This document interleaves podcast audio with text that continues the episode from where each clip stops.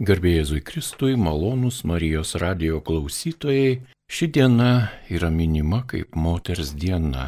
Todėl šiandien laidoje apie šią dieną maloniai sutiko pasidalinti Elvyra Pučinskaitė ir Ieva Urbonaitė. Jas kalbina Liutauras Serapinas ir aš sveikinuosi su Elvyra ir Ieva. Garbė Jėzui Kristui.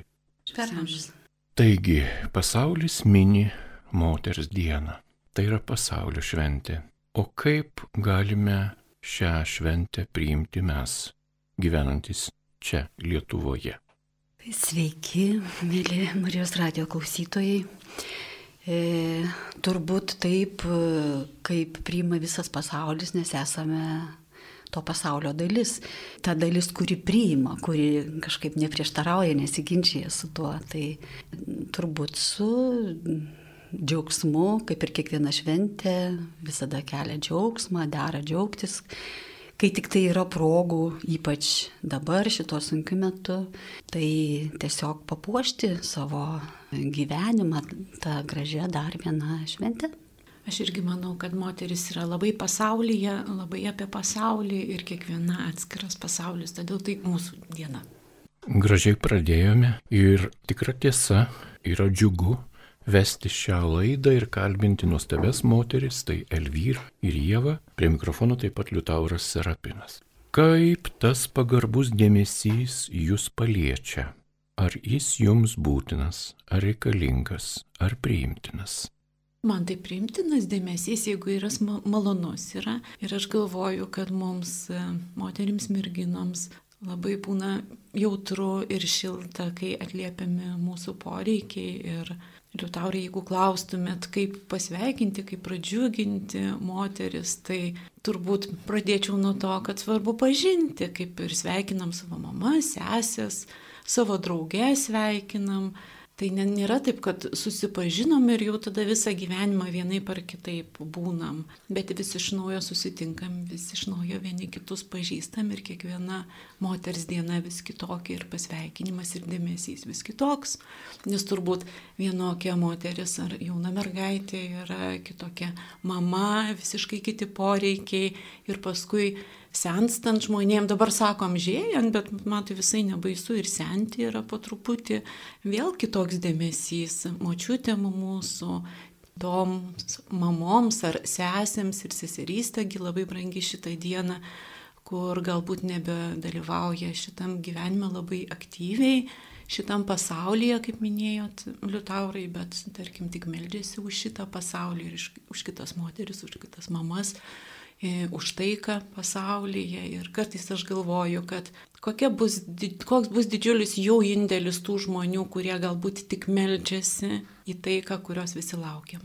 Tai labai gražiai Jėva čia viską pasakė, o į klausimą, kaip paliečia, tai aš ko gero turiu, jeigu asmeniškai kalbėti, tai turiu tokią patirtį turbūt nuo pat vaikystės, kai sveikindavo mamą Ir vis, mama visą laiką prašydavo tik nedovanokit kokiu nors ten didelių dalykų, dovanokit laiko ir kažkokią smulkmenėlę. Tai man tas irgi yra labai išlikęs, kad didžiausia dovana yra vis dėlto mažas dėmesys, kažkokia smulkmena ir svarbiausia laiko dovana, kad, kad kažkaip patirti tą džiaugsmą per tai, kad esi prisimenama, kad kažkokį mažmožį ten, ar, ar tai būtų gėlėžiedas, ar bet koks kitas ten dėmesio parodimas.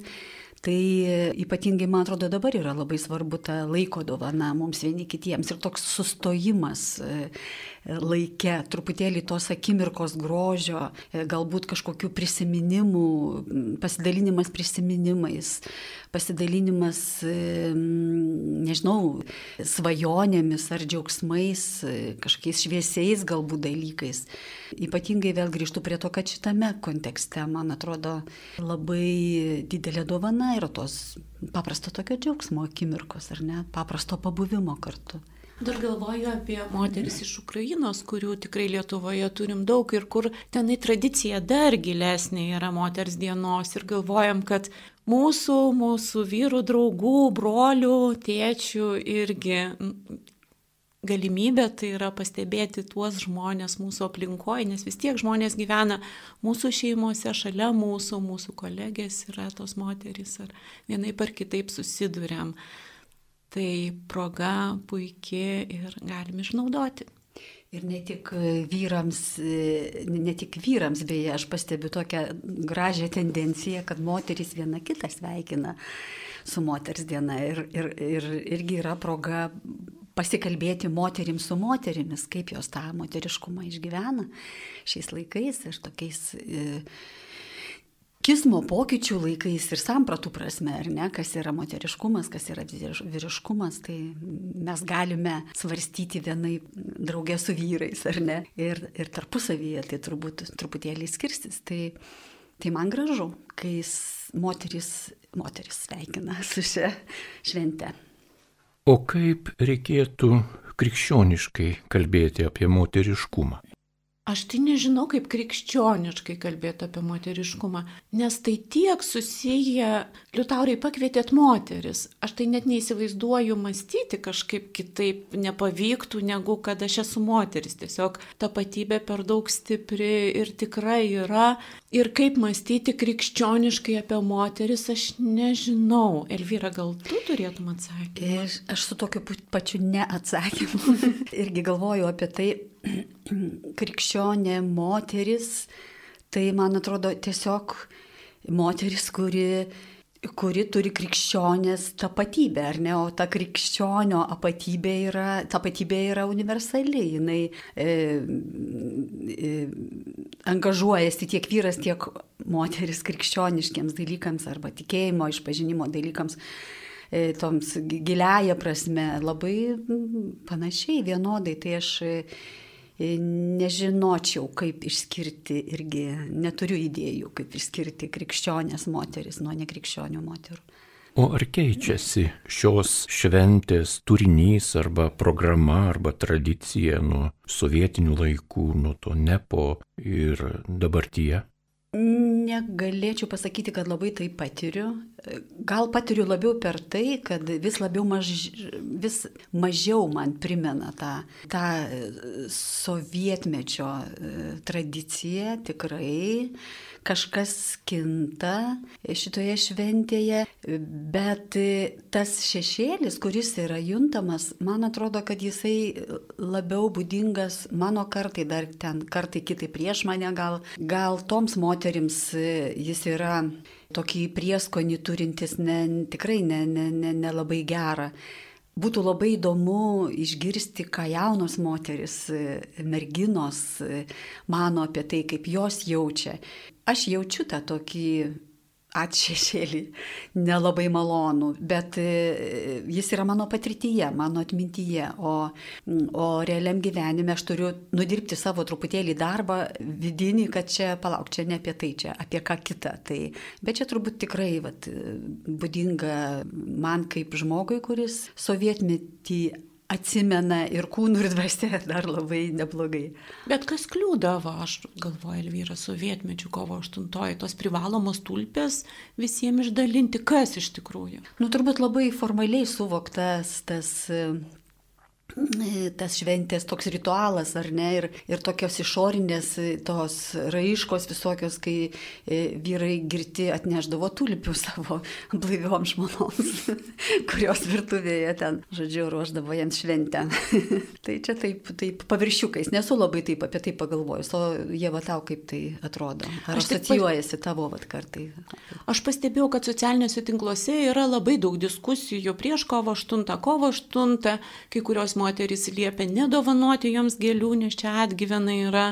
Kitos moterys ar vyrai rašo apie tai, kad tai vis dėlto yra apie, apie moterų teisės diena ir, ir lyginama, kokios teisės buvo, kad ir balsavimo laisvė ir teisė, ir kitos, ir kad moteris solidarumu pasiekė tokių ir visai gerų dalykų. Paskui, žinoma, kyla diskusijos apie vyrų moterų e, santykius tuo met ir dabar, ir apie pasikeitimus. Tai aš matau labai didelį įvairovę, kaip ir visko šie, šiomis dienomis. Taip, tas kontekstas platesnis, jis labai, man atrodo, irgi svarbus, tai, tai, tai moterių teisių tie visi klausimai, ar ne, ten, kai mes galim irgi truputėlį sustoti, pagalvoti vis dėlto, kiek yra nueita ir, ir ar nueita kartais e, ten, kur reikia, ar, ar truputėlį paklaidžiota, ir kas dabar vyksta. Tai šią prasme tikrai labai prasminga, ar ne, apie tai pagalvoti šią dieną. Tęsime laidą. Šiandien prie mikrofono Marijos radio studijoje Elvyra ir Jėva. Kalbame apie šventę moterims. Moterų bažnyčioje yra dauguma. Dažnai tai mes matome, kai lankome bažnyčią. Ar tai yra trūkumas? Ką Jūs apie tai manote? Man atsakymas toks, jeigu moteris visai jau visai vietos nebepalieka bažnyčioje kitiems vaikams, vyrams, jaunuoliams, mergaitėms yra vien tik moterų pilna ir nebetelpa kiti, tai trūkumas. Aš sakyčiau, dalis moterų gal išeikite, pasikeiskite, kad bažnyčioj rastų vietos ir kiti. Tai čia truputį taip juokauju. Aš kažkaip manau, kad mes visi sutilpsime toj bažnyčiai. Ar tai yra trūkumas? Aš realybės nesulinkus vertinti kaip trūkumų ar, ar, ar privalumų, galvoju, taip yra. Yra kaip yra, tas tiesa. Man taip įdomi, Jėva, nuskambėjo tavo peradresavimas vyro trūkumų, e, trūkumo bažnyčioje, kuris tikrai regimas yra moterims, kad kaip jos tarsi išstumtų vyrus iš bažnyčios. O man atrodo, kad vyrai truputėlį kažkodėl daug priežasčių yra ir tai jau yra ir tyrinėtos tos priežastys, čia ir sovietmetis, ir karo metai, ir visa kita, ir visa kita, bet nu negryžo jie į, į, į bažnyčią, ar ne? Ir aš tai labai jaučiu didelį vat, trūkumą ir sakyčiau, tokį, nu kaip netgi, nežinau, ar iššūkį mūsų bažnyčiai, ar, ar problemą, kad tai labai persikelia paskui ir į asmeninį gyvenimą, kai moteris labai uoliai e, savo dvasinį gyvenimą e, gilina e, ir, ir ieško ir randa, ir, o, o prarandama tam tikra sritis bendro gyvenimo šeimoje, kuri yra labai svarbi ir vienas į kitą nebegali atsiremti, nebegali kartu aukti, labai didelė skirtis, aš tą tiesiog iš, iš, iš savo profesinės veiklos galiu pasakyti.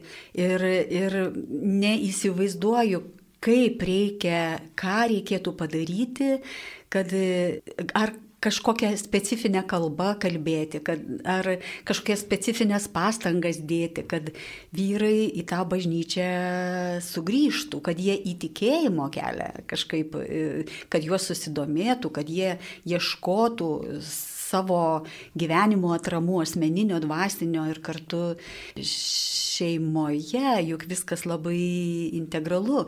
Ir man, pavyzdžiui, visada labai gražu būna musulmoniškose šalise arba judaizmą išpažįstančiose, kai tiesiog pilnos aikštės ir vyro ir, ir, ir šventovės besimeldžiančių vyrų, man atrodo, aišku, čia ir tokia gal ir nostalgija, ir, ir, ir kažkokia tokia draugiškas pavydas, nes man atrodo, besimeldžiantys vyrai, dvasinį gyvenimą gyvenantys vyrai galėtų tiek daug nuveikti. Aišku, jie nuveikia ir dabar labai labai daug, bet e, vat, to, to, tų dvasinių kolonų neturėjimas kartais jis labai, labai nu, nuskurdina ir, ir tam tikrą prasme išvargina santyki, pavyzdžiui, santykius, tarpusavio santykius. Ypatingai sakau, jeigu moteris žygiuoja labai spėriai, labai tuo domisi, labai tai gilinasi, atsiranda tam tikra praraja ir daug kitų iš to sekančių dalykų. Man atrodo, ir vaikų auklėjimas, ir, ir visuomeniai tam tikri procesai, na, kaip ir su tam tikrų stygium, kaip ir, kaip ir einama viena koja, ne abiem, ar ne? Gal galėčiau pasidalinti iš profesinės veiklos taip pat, karite šiuo metu dirbu, tai labai man įdomu stebėti, kad mes jau esam tarsi įpratę, kad karito, karitietės dažniausiai moteris tarsi yra, bet iš tikrųjų vyrai šitoje organizacijoje tikrai randa kaip būti, bet nebūtinai taip su tom savanorių lėmenėm ar, ar vadovaudami, bet pasižiūrėkit, jeigu renkamos paramos, jeigu telkiama kažkokia pagalba, visada yra daug vyrų šalia moterų, kurie nuveža, parveža, padeda, nuneša. Ir aš tada drąsiai galiu pasakyti, kad mūsų bendruomenė labai tolygi yra tik tai svoriai persiskirsto ir galbūt iš tradicijos dar mes galvojam, kad čia vat moterų organizacija, bet lygiai taip pat į savanorystę ir vaikinai įsitraukia. Ir dabar tie lyčių skirtumai, kaip e, moterims, merginoms renkantis profesiją, taip ir vaikinam jaučiant pašaukimą labiau socialiniai veikloj ar bendravime, arba pavyzdžiui yra toksai labai man patinkantis karito projektas, e, kur jaunimo, e, jaunimas mokinukai moko vyresnio amžiaus žmonės naudotis telefonais liečiamukais arba kompiuteriais, kad senelius namuose gyvenantis arba vieniši e, vyresnio amžiaus žmonės galėtų su savo ten e, vaikais, anūkais pasimatyti, kurie galbūt užsienyje išvykę. Tai tarp to jaunimo yra daug jaunuolių ir jie tikrai atranda save savanorystę ir šitą savo stiprybę, IT išmanimą labai panaudoja padėdami vyresnio amžiaus žmonėm ir tada vyresnio amžiaus žmonės gali e, piragus jiems kepti, o jaunuoliai jiems padėti technologiškai įgyti. Dialogas tas tarp kartų. Mhm. O kaip jaučiasi moteris bažnyčioje, tarnystėse? Ar tos tarnystės yra matomos? Ar moteris yra įvertinamos teisingai, e, regimai, tinkamai? Čia turbūt labai individualus klausimas, ar ne? Kiek moterų, tiek turbūt atsakymų būtų. Ir man vėl būtų labai įdomu išgirsti, ką pasakytų jauna karta moterų šiuo klausimu. Nes e, man atrodo, kad e, vat, man asmeniškai arba ten mano kolegiams, bičiuliams, kurios dirbo bažnyčioje, tam tikra buvo, prasme buvo gal paprasčiau, nesakysiu, kad lengviau, bet buvo kaip ir nusistovėję dalykai, ar ne? Moters ten tam tikros, tam tikri įsipareigojimai galimi, ribos, kur nebe, nebe moterų reikalai, ar ne? Dar viskas buvo labai tradiciška pačioje visuomenėje, dar nebuvo to toks, tokia daug, tokia multi, daug nuomonių, ar ne, apie visą tai ir požiūrių kaitos nebuvo dar. Kita vertus, aš dabar kaip pagalvoju, labai daug Tuo metu, va, kai buvo bažnyčios kaip tik atgimimas, e, paskelbus nepriklausomybę, e, labai daug merginų, mes tada buvom jaunos, merginos, jaunos moteris, labai daug atėjo į bažnyčią veikti, labai daug buvo tokio mm, gero sąjūdžio ir tikrai niekas joms netrukdė veikti. Tai man atrodo, kad iš, iš savos patirties žiūrint, tai man niekada nebuvo klausimo vyras aš ar moteris, na gerai dirbi ar negerai dirbi, gerai supranti dalykus ar negerai supranti dalykus. Dėl, dėl tam tikrų klausimų vienodai galėjo konfliktuoti ir vyrai, ir moteris, ar ne, arba kelti kažkokius ten lūkesčius, kurių neišpildo gal institucinė bažnyčia, gal, gal ta organizacija, kurioje tu dirbi nežinau, gal kas nors vyko, man nežinant, bet aš tikrai to nejutau. Labai natūraliai kažkaip daug metų tą matydaviau ir šituo, kad mane būtų pagal lytį diskriminavę kas nors, aš tikrai negalėčiau, nebūčiau sąžiningai, jeigu aš sakyčiau, kad aš jutau kažką tokio. Galbūt pagal pasirinktas veiklas, jos tada buvo ne, nepopuliarios arba atrodė neleistinos, aš turiu galvoje ten įsiskyrusių į selovadą pačioje pradžioje ir ten visko buvo, reikėjo perėti tam tikrus dalykus mums visiems ir bažnyčio, ir visuomeniai. Bet Aš galvoju, kaip yra dabar tom jaunom moterim, nes e, tas e, tokio liberalizmo ar ne, tas, ta, ta banga ir, ir aš tikrai nesakau, kad tai yra blogai. Ir apskritai tokia demokratija demokratiška nuostata, demokratijos tokie gyvenimo gal įgūdžiai, jau pradedant šeima ir, ir baigiant visuomenę, visiškai kitas santykis. Ir kaip jos suvokia va, šitą hierarchiją bažnyčią. Man kartais man sunku dabar jau e, kai kurios dalykus, nu, nesistebėti kai kuriais dalykais, ar ne? Tok, tam, tam, tam tikrų santykių būdų, pavyzdžiui, ten su kai kuriais dvasininkais, ypatingai, ypatingai ten e, periferijoje, ato, atokiau, kur dar vis kaimo klebonas yra kaip ir dievukas, kuris iš aukštai nuleidžia, žodžiu, ten, bet, bet ne tik man, jis tai daro su visais, su visom savo ganomom avelėm, ar ne? Tai manau, kad kad kuo toliau, tuo gali būti keblesnis šitas klausimas, bet asmeniškai aš kažkaip nesijaučiu nuskriausta. Ką norėjau, tą jaučiuosi padariusi. Dėl įvertinimo litarai klausite, tai aš galvoju, kad reikėtų atskirti du dalykus bažnyčioje. Tai yra mūsų kaip profesionalų darbus ir savanorystę.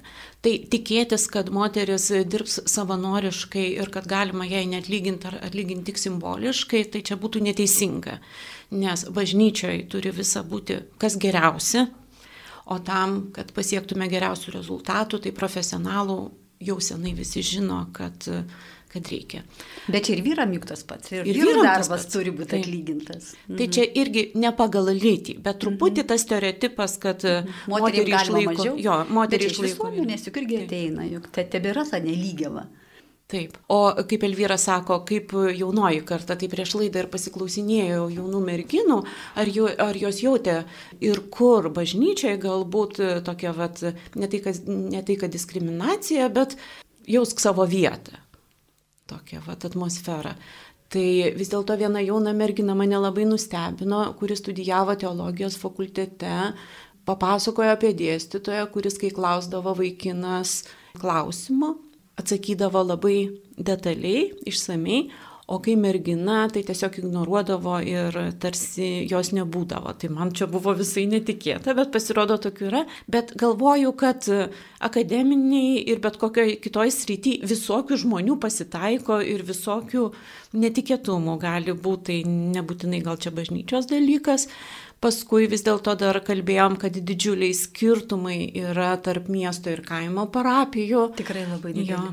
Apie skaitinių skaitimą, apie patarnavimą, kur mergaitės tabu, mes čia jau kaip ir įpratę, nes pasirinkę savo parapijas, kur jau 20 ir daugiau metų taip yra. Taip, apie selovadinių grupių irgi kažkaip palydėjimą negali būti nei kalbos dažniausiai. Tai va, šiokių tokių dar yra skirtumų, bet man atrodo, kad pamažu žmogus labiau priimamas kaip žmogus ir ypač bažnyčios bendruomeniai.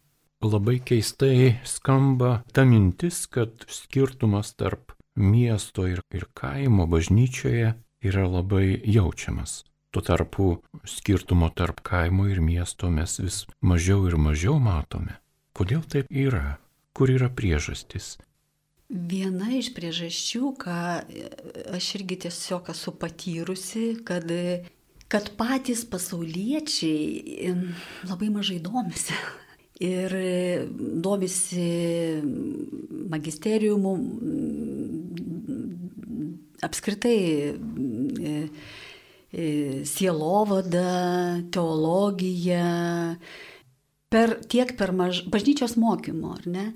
Tai e, jie dar patys labai turi tokį, kaip, kaip liutaurais sakai, tokį senobinį supratimą, kad, kad kunigėlio reikia bijoti, kad reikia jam visada paklusti, kad e, visada reikia neperžengti tam tikrų, nu, nerodyti iniciatyvos, pavyzdžiui, arba reikia visada patikti. Tai ir, ir aišku, tada senos formacijos kunigams tas labai padeda, likti senos formacijos kunigais. Tai Šiaip, šiaip dėja, jeigu jau šita tema paliesta, tai situacija tikrai, nu, graudi, labai graudi. Ir, ir tas atotrukis tikrai yra labai didelis. Bet gal ne vien čia kaimo miesto dalykai, tiesiog mieste žmonės gali pasirinkti parapijas. Aš manau, kad taip. Neapkalbėčiau dabar visų kaimo. Ne, tai be abejo, nuo, šiaip tai nuo kunigų tikrai labai daug priklauso. Jeigu būrė bendruomenės, jeigu nori gyvą bažnyčią matyti ir, ir deda tam pastangų, e, tai tada ir pamažu ir, ir, ir tie pasauliečiai kažkaip ir būrėsi, ir turbūt ir yra sudominami, ir, ir patys kažką daro ir domisi, bet čia toks abipusis, dvipusis eismas, bet e, kartais man negera žiūrėti į, e, į tuos pasauliečius, kurie savo orumą yra tarsi praradę ir, ir nėra atsakingi patys už savo tikėjimą. Nu, prasme, tai nudomėkis, nu, žin, dabar viskas taip prieinama, tiek daug visko yra, ar ne? Tas bažnyčios mokymas, tie e, popiežiaus visa, ar ne, ten tas sinodinis kelias, ar ne, kuris čia tiek daug buvo progų. Tai jeigu, jeigu mm, pakanka tik varnelę užsidėti prie, prie to sinodinio kelio susitikimų, tai, tai tą ir turim, ar ne. Nu, čia toks sudėtingas klausimas, kaip visą tai kažkaip išjudinti. O gal turite viziją, kokią svajonę susijusią su moterų misija bažnyčioje? katalikų bažnyčioje Lietuvoje. Aš tai turiu svajonę, kad visokių amži, visokio amžiaus moteris, pradedant nuo mažų mergaičių, kurios nori patarnauti, patarnauja, bet biški palaksto, nieko tokio, nes ir mergaitės būna ir aktyvios, ir drąsios, ir triukšmingos, ir visokios. Tai kad tos mergaitės, moterys, vyresnio amžiaus žmonės, senos moterys, kad jaustųsi gerai, jaustųsi kaip namuose, kad tai būtų susitikimo jiems vieta. Ir jaustųsi taip, kaip jaučiasi, o ne būtų priverstos atlikti tam tikras rolės, kur priklausytų pagal jų ar amžių, ar statusą, ar dar ką nors atlikti. Oi, sunkus klausimas apie tas vizijas. Neturiu vizijos. Tęsime laidą, mėly radio klausytojai, šiandien minime moters dieną ir moterų dieną, reikia taip sakyti turbūt. Ir šiandien laidoje dalyvauja Elvyra ir Ieva. Jas kalbina Liutauras. Jūs dalyvaujate įvairiose programuose, kurios yra skirtos būtent ir moterims. Kodėl tokios programos yra reikalingos bažnyčioje? Aš gal čia mm, jau tas laikas, kai aš dalyvavau, jau smarkiai praėjo, bet e, pati daug dirbusi esu šitoje srityje, ar ne, ir pati būrusi įvairias moterų grupės, ir sielovadinės, ir nesielovadinės, bet vis tiek tokioje krikščioniškoje perspektyvoje, kokios jos ten bebūtų buvusios.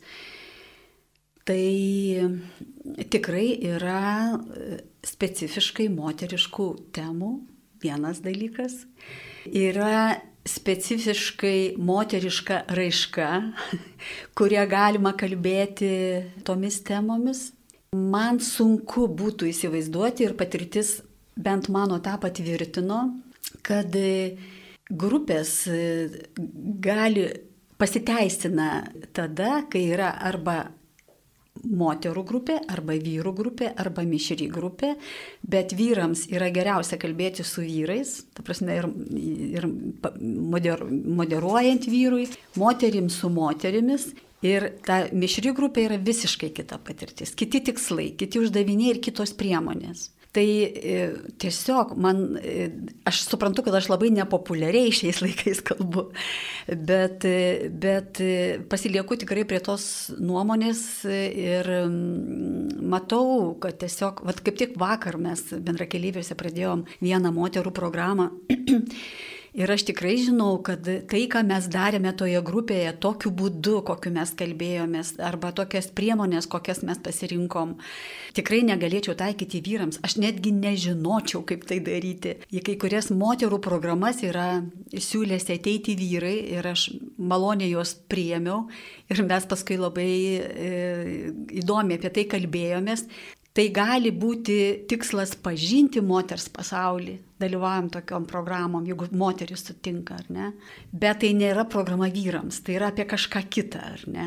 Tai mūsų pasaulyje labai skiriasi. Nu, ir e, aš nežinau, arba, arba aš kitaip nes, ne, nepažįstu to, to kitokio buvimo, ar ne, bet ir pasauliai skiriasi, mąstymo būdai skiriasi, raiškos formos skiriasi, tai yra kažkaip labai labai, man atrodo, natūralu ir kad ir kaip besikeis mūsų pasaulis, toks poreikis Aš manau apie moterišką tapatybę, apie vyrišką tapatybę, apie santyki kartu, visą laiką jos turėtų būti aktualios. Netikėčiau, kad kada nors atsitiks taip, kitaip.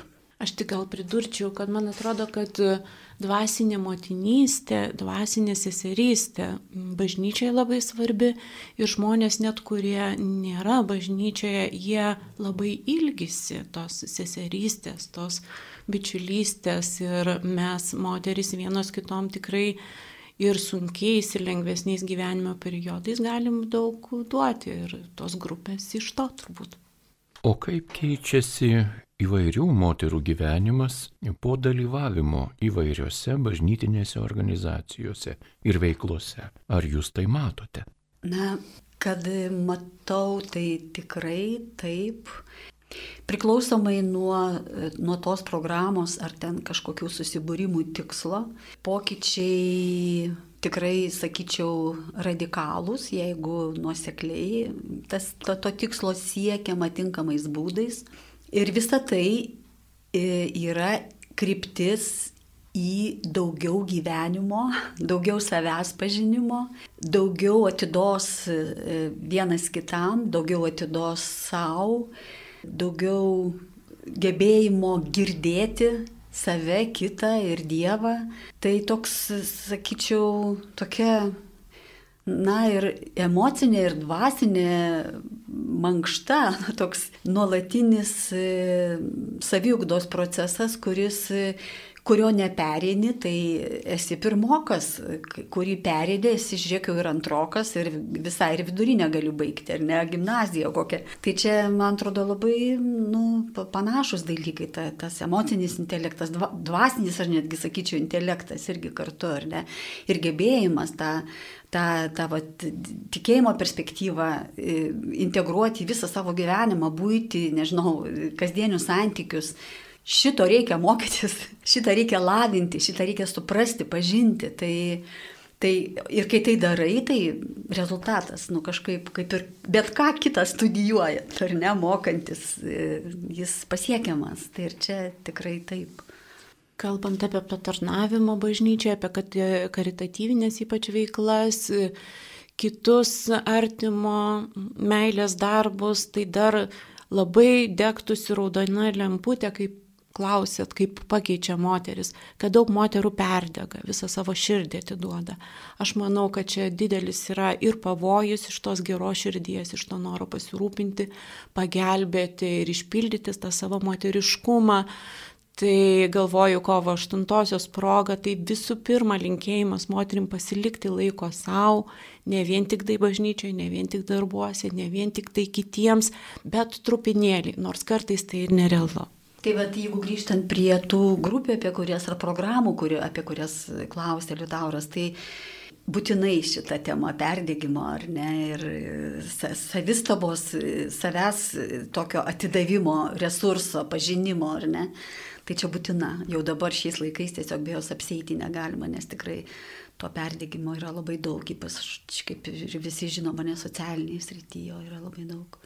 Na, o laidos pabaigai, ką jūs palinkėtumėte, žinoma, ir savo, ir kitoms moterims, kurios randa gyvenimo prasme tarnystėse bažnyčioje, veikloje, pedagogikoje, taip pat ir žinoma šeimoje, savo sode ir kur kitur, ką palinkėtumėte, ką pasakytumėte, iš to, ką kalbėjome, laiku atsitraukti palinkėčiau, bet turbūt čia tokia skaudama vieta yra, todėl taip ir linkiu ir kitoms. Aš turbūt panašiai sakyčiau, kad ta meilė viskam, va kas čia suminėta, ir, sodų, ir, ir, ir tarnystė, ir, ir šeimai, ir viskam kitam, kad jinai būtų, nebūtų mažesnė pačiai savo, ar ne, tai pačia geriausia prasme, kad neišmokus mylėti savęs, kaip galima teisingai, ar ne, tą resursą paskirstyti kitiems, ar ne, tai mylėti save taip pat kaip ir visą, ką mylime. Ir džiaugtis tą meilę, jeigu tos meilės savo per mažai, jeigu išsekinam, pavargstam, perdegam, tai iš kur tas džiaugsmas iš tos meilės, tada jau pasidaro toks vargas ir, ir bėda. Tai mylėti. Dėkoju Jums už mintis, už meilę, už tarnystę ir atliktus darbus bažnyčioje. Šiandien sveikiname visas moteris ypatingai gražią pavasario dieną, kuri yra skirta būtent joms. Ir linkime to, ko gali palinkėti tikėjimą turintis žmogus. Visko linkime. Taigi prie mikrofono šiandien su jumis buvo Elvyra Kučinskaitė ir Jėva Urbonaitė.